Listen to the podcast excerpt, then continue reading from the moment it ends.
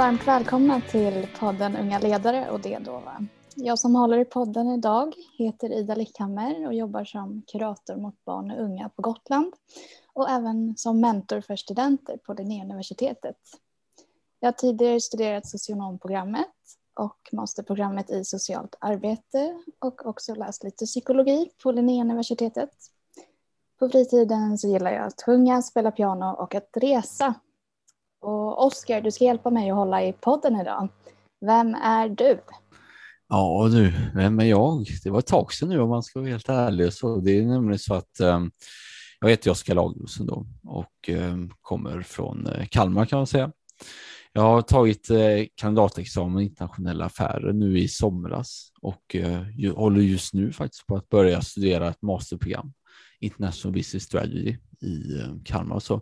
Men samtidigt är jag öppen och eh, sökande när det kommer till liksom arbeten som kommer till typ sälj, marknadsföring och konsulting.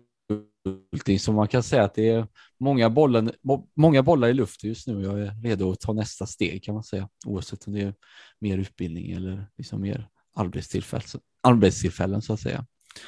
Så på min fritid så är jag mycket passionerad hur man kan vara så effektiv som möjligt i sin vardag genom att bemästra allt på produktivitet och även psykologi sånt heter. För det är ju naturligtvis, i och med att bli människor så är psykologi någonting som är väldigt intressant att ta reda lite på. Så, så det är lite vem jag är.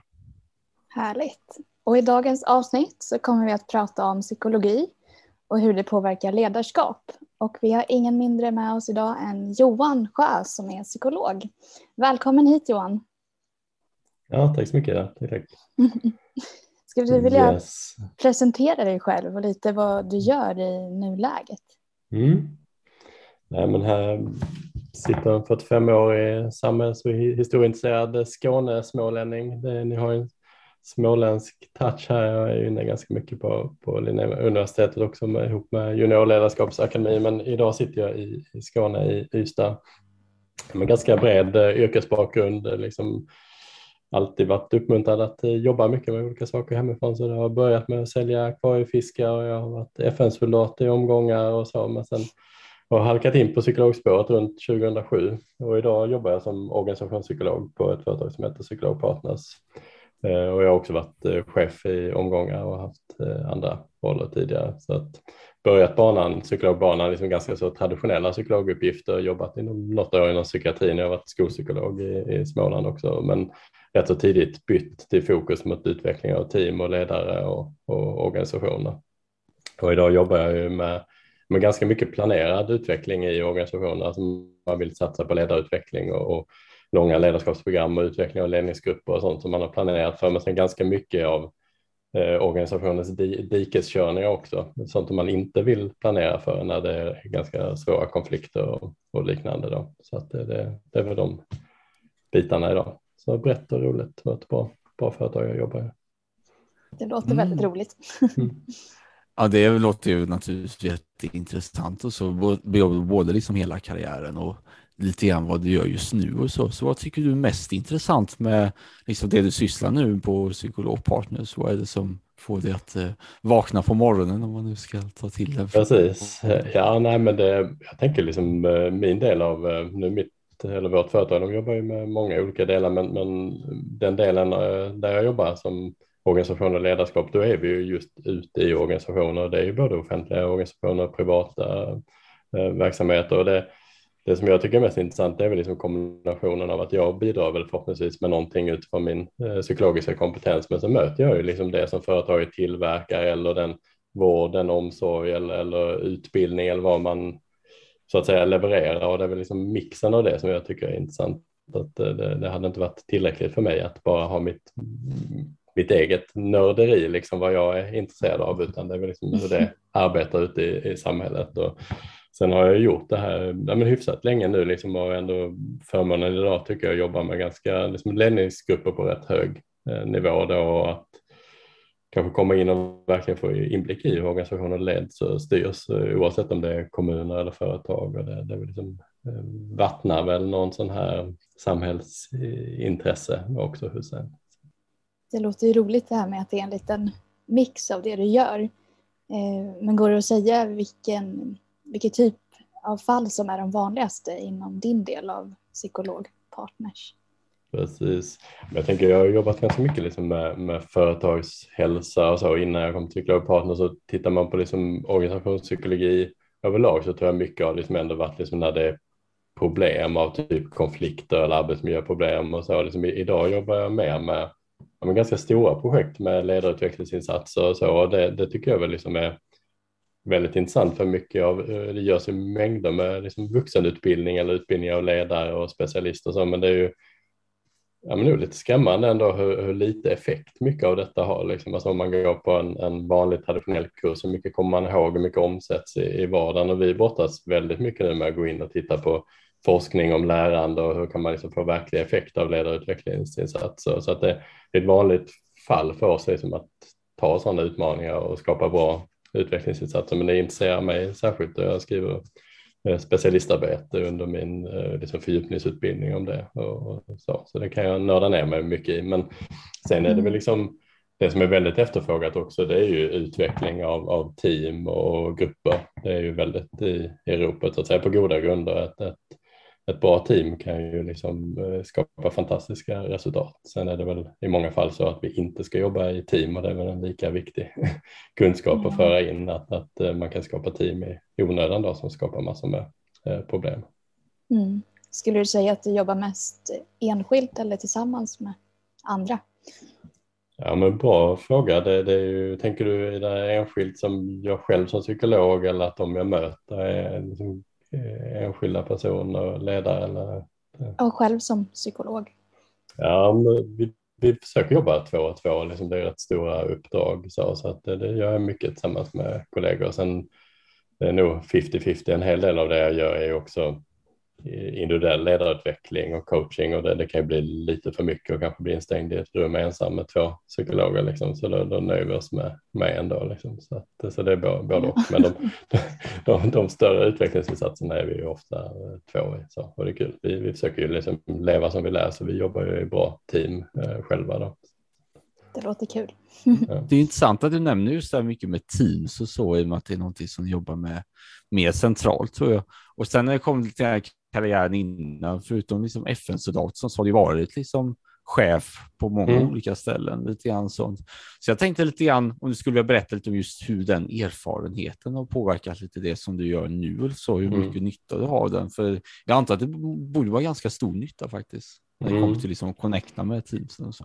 Precis. Nej, men innan jag hade varit chef själv då, då sa jag väl att, eh, att man inte behövde den erfarenheten och sen när man hade fått erfarenheten då tyckte man plötsligt att den var lite, lite viktigare så alltså, om man får skämta. Men, men jag tycker nog ändå liksom att det är en viktig erfarenhet det så att man kan liksom verkligen relatera till cheferna man möter, alltså deras praktiska utmaningar och, och kanske också som ni eh, kanske kommer in på lite längre fram, eh, liksom psykologiska utmaningar som ledare möter. Men sen tänker jag väl också liksom att eh, ja, jag har liksom också väldigt positiva erfarenheter av det här, liksom att försöka leva lite som man lär och att eh, ge förtroende till andra i, i, sin ledarroll och få väldigt starkt förtroende tillbaka. Och, och sen tycker jag också att vi liksom i de ledaruppdragen där jag har varit att vi tillsammans skapade väldigt bra resultat som jag känner mig rätt stolt över.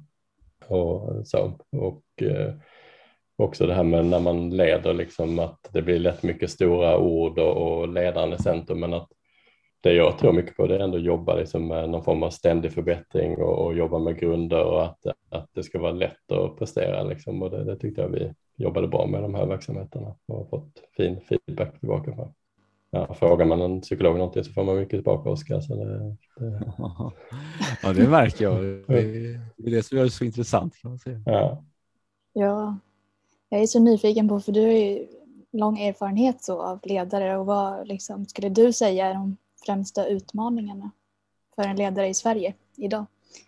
Mm, en liten fråga. Så, men, nej, men jag tänker mig liksom att det, det, vi möter mycket liksom när vi liksom pratar i ledningsgrupper och möter ledare och ofta så möter man kanske liksom frustrerade ledare. Och så. Det, man, man har ju väldiga utmaningar att faktiskt hitta rätt personer och behålla rätt personer i många verksamheter. Alltså vi, vi pratar lite om Eh, ökande arbetslöshet och så, men, min erfarenhet är att många företag och organisationer kämpar jättemycket med att hitta rätt kompetens liksom, och, och, det är ju en utmaning för ledare och det kan vara också ett svar på varför ledarskap blir så himla viktigt, att man kanske många gånger väljer mer ledare än, än arbetsgivare. Så att det är ju en, utöver allting som ledare gör eller inte gör för prestation så, så är det ju också en, ja, en, en rekryteringsfråga, liksom, att man har ett bra ledarskap som, som folk kan, kan um, vilja söka sig till, liksom platser med, med schyssta bra ledare.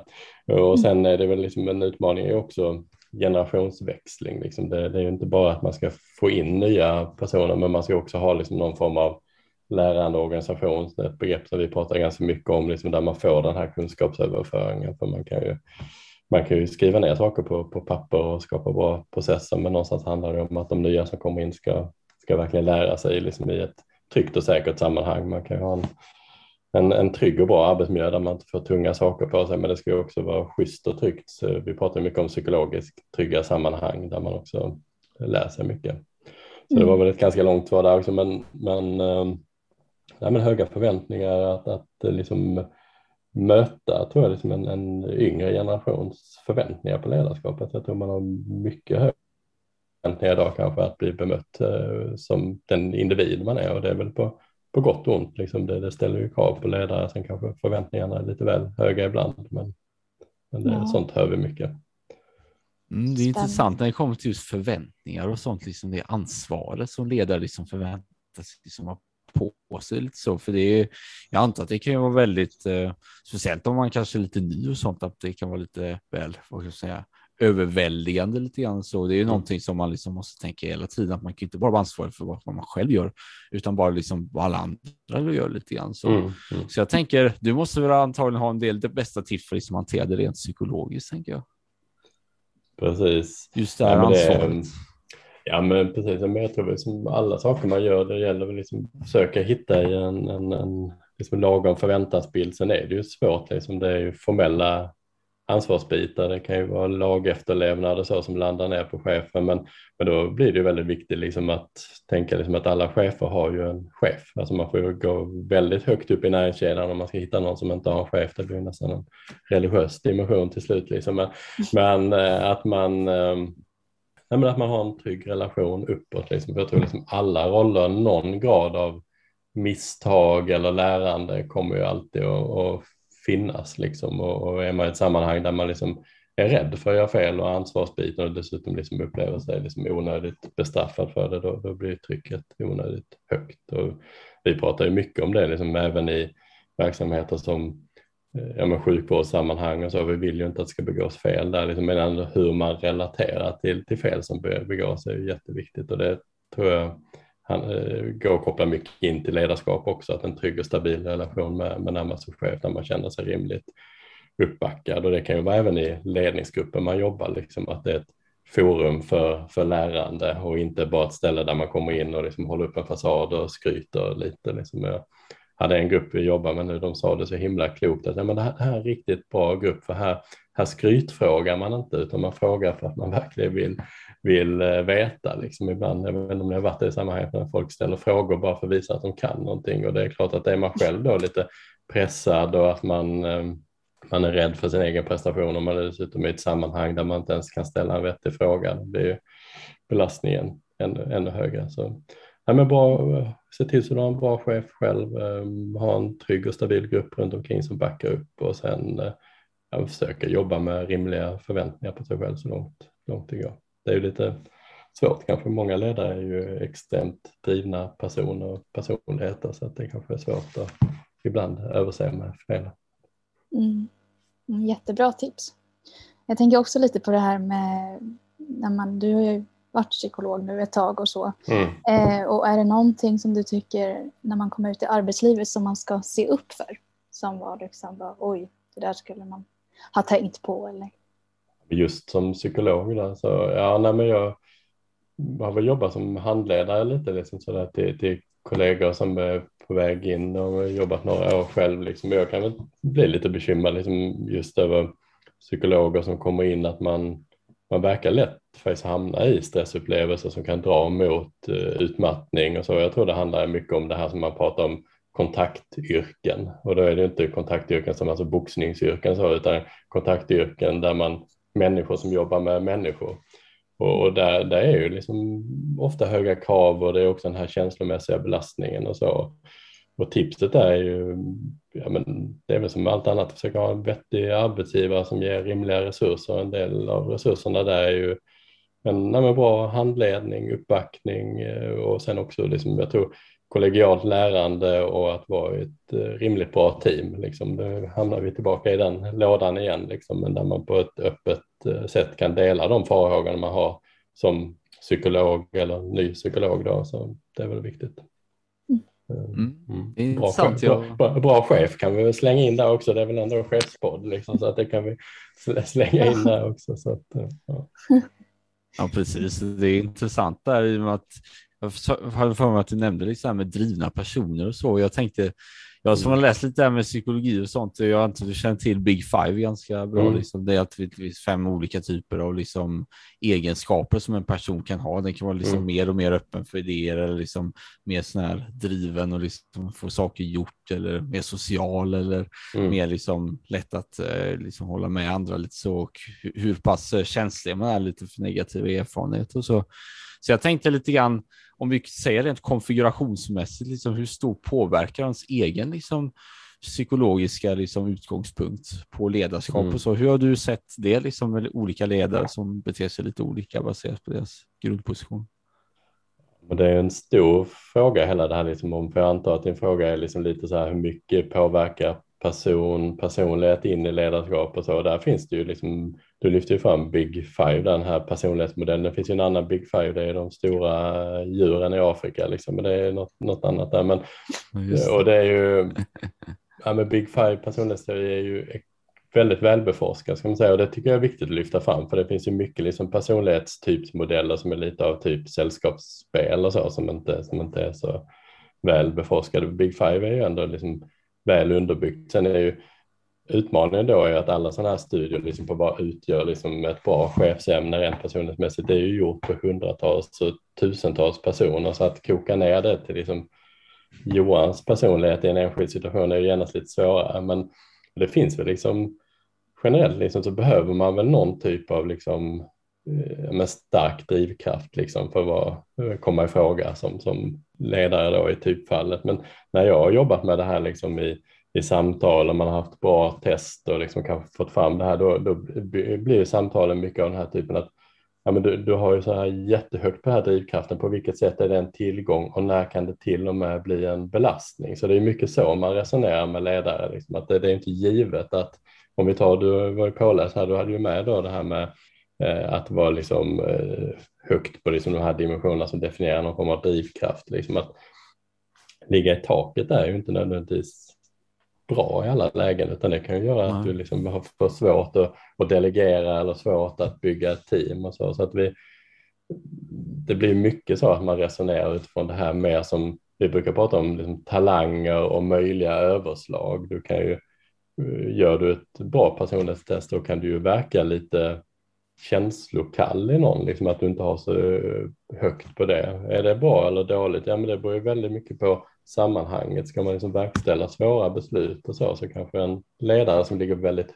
högt där betalar lite ett pris själv. Så att, eh, det är lite sådär psykologsvar på det, det beror på. Men, eh, men, men som, eh, som liksom bottenplatta för liksom reflektion och självkännedom så finns det ju mycket här även för den enskilda individen att, att göra bra tester och liksom jobba vidare med det. Men det är ju inte så enkelt som att man gör det här testet och så får man ett absolut kvitto på att ja, men nu är det bara att tuta och köra. Liksom. Nej, kan jag förstå. Ganska ja. komplicerat precis som livet. Nej, och det är ju liksom så man kan ju ta som en del av liksom Big Five, där, det här neuroticism-begreppet, alltså att man är lite så nervöst tvivlande och så. Jag menar vissa befattningar som den som sitter och roddar liksom ett kärnkraftverk eller någonting så. Alltså, vi, vi vill ju att de är ordningsamma så, men man ska ju kanske också vara lite sådär oroligt lagd i något läge. Alltså det, det, det finns en, alltså även det som kan verka dåligt i, i något läge kan ju faktiskt vara en, en tillgång.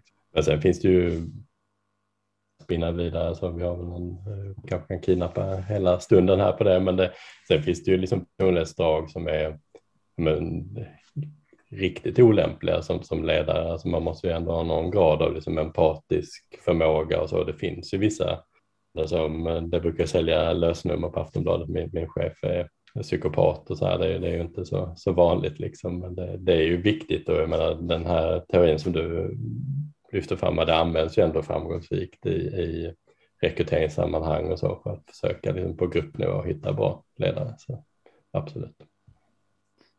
Ja, precis. Det är ju något som man själv måste liksom tänka på hela tiden. Lite alltså liksom exakt i vilket sammanhang och så. Och mm. eh, det kommer ju i slutändan till att liksom beslut både för en själv och liksom att kunna överblicka situationen och lite sånt. Så jag tänkte lite mm. när det kommer till beslutstagning. Det, det är ju någonting som är ganska, vad kan man säga, resurskrävande i sig och så.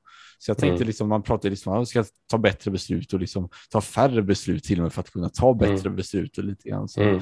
Har du några mer liksom, tips för det liksom, så jag tänker liksom för ledare och så?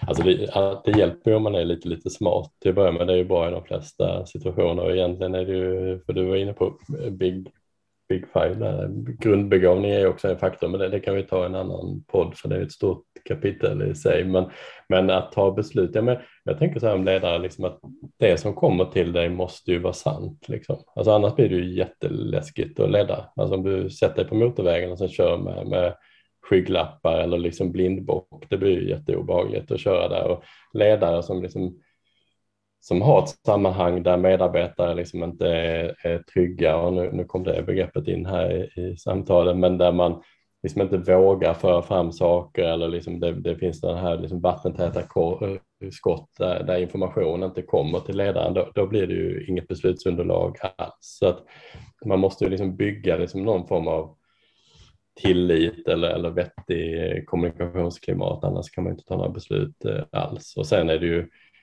men en eh, grund för beslut och, och, att överblicka situationen det är ju också att få feedback på sitt eget beteende som, som ledare. Alltså jag har ju ledare som, som försöker göra när man rätt enligt boken när man ger feedback och så men, men blir, blir medarbetare mindre motiverade av det sättet man jobbar på då måste man ju ganska snabbt ändra sig liksom, så att man måste ju någonstans eh, ta in feedback på sina egna beteenden också tänker jag är, är viktigt. Så att, så att det är rimligt tryggt i organisationen liksom, och att den informationen som ledaren får för sina beslut att den, att den stämmer. Liksom, det är väl jätteviktigt och sen att ledaren har lite markkontakt och får feedback på sina egna beteenden. Det är också viktigt. Jag tänker på det här när du pratar om egen feedback och sådär. Mm. Eh, skulle du säga att det liksom är, kommer upp massa känslor hos dig när det kommer feedback, eller jag kan tänka mig i alla fall att det mm. beroende på vad som kommer fram. Precis, Nej, men jag kan tänka mig liksom, om frågan är ledare där, liksom, lite att hantera känslor, så det kan ju vara liksom känslostorm hela tiden. Man kan ju ta en sån sak som liksom om man ska ha någonting som vi utbildar ledare ganska mycket i, det är så här liksom grundträning för ledare. Hur hanterar man svåra samtalssituationer till exempel? Det kan ju vara liksom, eh, röra liksom bristande prestation eller andra svåra saker. Då skulle jag säga liksom att hantera känslor där, det är ju en grundfärdighet lika väl som vad som gäller arbetsrättsligt och så.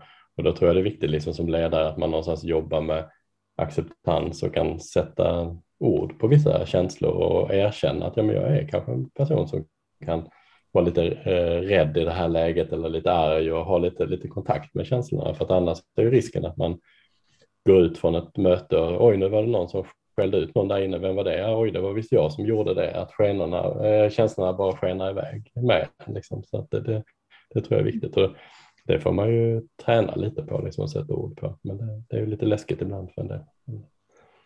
Med lite träning så går det. Med lite träning så går det. Ju, mer, man tränar, ju mer man tränar desto mer tur har man som Stenmark sa. Så att, men, men man kan ju träna på de delarna av, av, av eh, ledarskap också. Och många tror jag det är kanske en sån här liksom lite koppling till, kanske inte ungt ledarskap, men, men ny som ledare, att man springer väl på lite så här minor kanske där känslorna har farit iväg med en och ofta är det kanske att man inte riktigt har liksom erkänt för sig själv att man känner sig lite osäker eller lite rädd och menar, har man kontakt med det då kan man ju faktiskt prata med någon. Det behöver gubevars inte vara en psykolog såklart utan det är ju någon, någon klok kollega eller, eller så. Mm. Ja, precis. Så just när det kommer till unga personer och så, för um, det är ju som sagt, det är mycket på gång, liksom beslut och känslor lite grann och sånt. Det kan ju vara mycket liksom nytt och så. Så mm. jag tänker lite grann om samma, för jag tror att vi hade någon liknande fråga där liksom början som det liksom gäller de mer yngre personerna också eller om de skulle ha lite mer liksom ytterligare råd och tips för att kunna liksom mm. komma rätt på trampolinen så att säga. Jag tror liksom man kan träna ledarskap ganska tidigt liksom, i livet. Jag, jag tänker liksom, jag brukar ha en övningar med när vi pratar ledarskap att man får liksom beskriva olika ledarsituationer och det är intressant att en del sätter ju det väldigt tidigt. Liksom. Ja men det var första gången jag dömde en fotbollsmatch. Jag var 11 år eller jag var liksom, alltså jag tror man kan man ska tänka rätt så brett kring ledarskap. Det är ju inte bara att man får en chefsposition liksom vid 24 års ålder så, utan man, man kan ju träna liksom på att ta plats eller ta ansvar eller synas tidigt i livet i många situationer. Liksom. Och det, det, jag tror väl det som man liksom exponerar sig lite för det är väl att synas och ta, ta plats i ett, i ett team. Liksom. Så det, det går nog att, att, att träna på, men kanske också liksom att också tänka, liksom, försöka tänka lite bortanför sig själv. Att det är lätt att man har, vi har någon bild av ledaren som en stor person som går framför arméerna och leder, men att verkligen försöka tänka team när vi tänker ledarskap. Och jag tror en bra, bra liksom förberedelse för, för ledarskap det är ju att söka upp bra teamsammanhang. Många ledare berättar ju liksom om idrottssammanhang eller föreningssammanhang och, och, och bygga erfarenheter där, liksom att, att jobba i, i lag. Det tror jag är en bra grund för, för ledarskap. Jag vet inte, var frågan lite om, om man kunde träna sig för liksom belastningar i ledarskap. Ehm, jag tror liksom självkännedom är väl en, en del också, att, att eh, reflektera över hur man agerar i olika eh, situationer. Liksom. Ja, självkännedom är ju en bra sak och jag tänker lite där för att man ska förstå sig själv kan ju vara väldigt viktigt. Egentligen oavsett vad man jobbar med. Ehm, men som ledare, liksom, förutom självkännedom som du nämnde då? Är det något annat som är viktigt att tänka på? Ja, men det kopplar egentligen vidare till det, liksom att, att, att, liksom det här, att verkligen be om, om feedback och, och sen att använda de där två sakerna som sitter på sidan av huvudet, att, att verkligen lyssna. Liksom. Att, att, det, att det är underskattat. Jag tror också det är lite kanske mognadsfråga i ledarskap, att en, en del går in och försöker liksom överprestera och då blir det ju att man nej, men pratar väldigt mycket själv och jag möter ju ledare ibland som pratar så mycket om hur god lyssnare de är så att ingen annan får en syl i vädret. Liksom att, att det är lätt att, eh, det är lätt att um, glömma det här viktiga, liksom att ta in, lyssna, uh, be om feedback. Och jag tycker väl liksom idag att det är ganska vanligt att man exempelvis vill ja, vi vill ha en bättre feedbackkultur, vi vill träna oss i att ge feedback. Det är liksom så här väldigt återkommande fråga, men en, en väldigt viktig del i det är ju lyssnandet igen. Alltså hur reagerar jag när jag får feedback? Vill jag påverka en grupp av människor att ge feedback då måste jag ju vara uppmuntrande när de, när de ger det. Så att det är väl så. Kanske ibland eh, tagga ner lite själv och eh, lyssna. Det är väl viktigt. Mm. Ja, verkligen. Och det är ju verkligen viktigt då med personlig utveckling för att komma framåt. Och har du, jag tänker, har du något tips just för att det ska bli hållbart och samtidigt gå fort att uppnå personlig utveckling? Ja, den var riktigt svår den frågan, men, men jag tror liksom att eh, Alltså en, en del av ledarskap är ju, och den definition som jag verkligen eh, gillar, det är ju att en, en ledare, den enda verkliga definitionen på en bra ledare är att man har följare, att det är någon som går med. Och jag tror det, man måste kunna liksom relatera till väldigt många olika personer om man ska få följa och jag tror liksom en, en riktigt bra ledare är nog faktiskt ganska bra på TP, alltså det här spelet Trivial Pursuit, alltså att man är ganska jag menar, allmänbildad och nyfiken på, på mycket liksom utöver sitt eget ehm, eh, fackområde och att man är nyfiken på, på människor. Och det, det är klart det är ju ganska svårt tips där tänker jag, för det, hur, hur, hur gör man det om man inte skulle vara var det från början. Det är svårt att bara beställa av sig själv att man ska vara nyfiken på människor, men är man, är man inte alls nyfiken på människor då kanske man ska lite kanske söka sig ett annat eh, spår. Liksom, så att, att man försöker vara bred, liksom kanske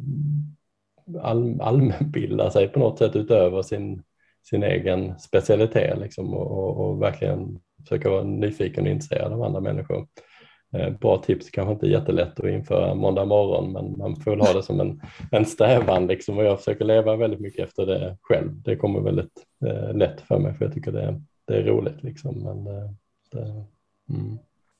Ja, precis. Så det är lite grann det som är väldigt liksom, fantastiskt ändå att veta. Liksom. Man kan ju förkovra sig till många olika typer av kunskaper. Och så. Och jag tänker framförallt liksom för ledarskaps, juniorledarskapsakademin i Kalmar, så då får man ju ytterligare en chans att liksom bekanta sig med olika typer av, eh, ja, dels ledarskap så, men det är ju lite så att det kommer ju till slut, det läggs på samman, det som man kan, liksom, så som man mm. har lite verktyg att använda med lite i sammanhang, så, så mm. det är ju väldigt intressant. Ja du Ida, ska vi ta de fyra snabba? Ja men det tycker jag. Nu vill vi gärna ha snabba svar här då.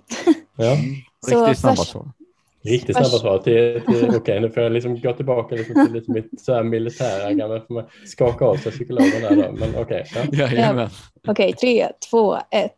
Har du några särskilda rutiner som du tror är en framgångsfaktor? Ja, håll det du lovar och var snäll. Det. Ja. Vad skulle du säga till ditt yngre jag? Mm, först tänkte jag fondspara tidigare men jag skulle nog bara säga tack. Liksom, tre härliga barn, en fru jag älskar jättemycket, ett stimulerande jobb. Alltså jag skulle nog, ja, men, tack skulle jag nog säga ändå. Satt lite hårt åt men okej, okay, tack. Det låter jättebra. Så varför ska man bli ledare enligt dig?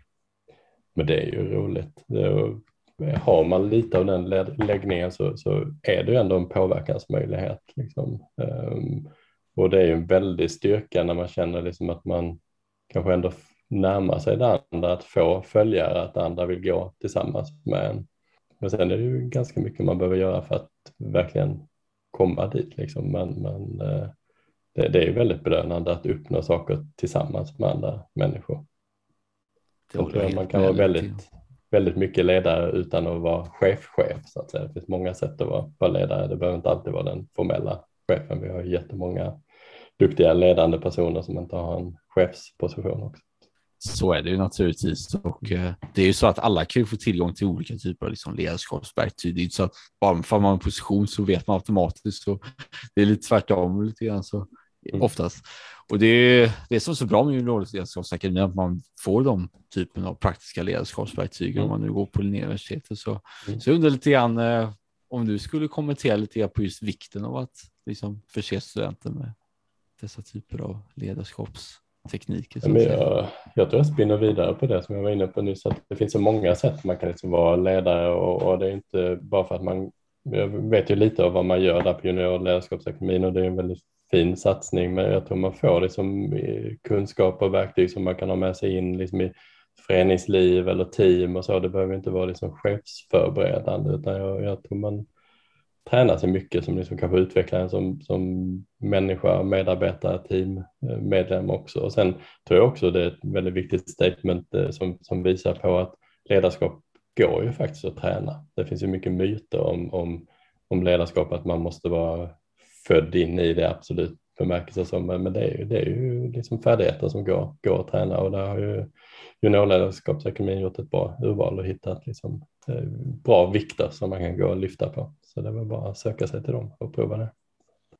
Det var bra svarat Johan och du var snabb på alla fyra frågor. Jag godkände där, ja, bra. Ja, men det, det, det, finns ett förflutet där som, som in, innan de manglar mig igenom psykologprogrammet.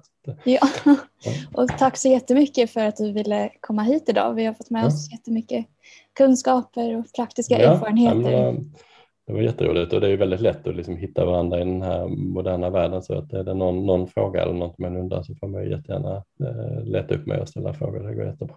Ja, och om folk vill komma i kontakt med dig, vart ska de helst nå dig?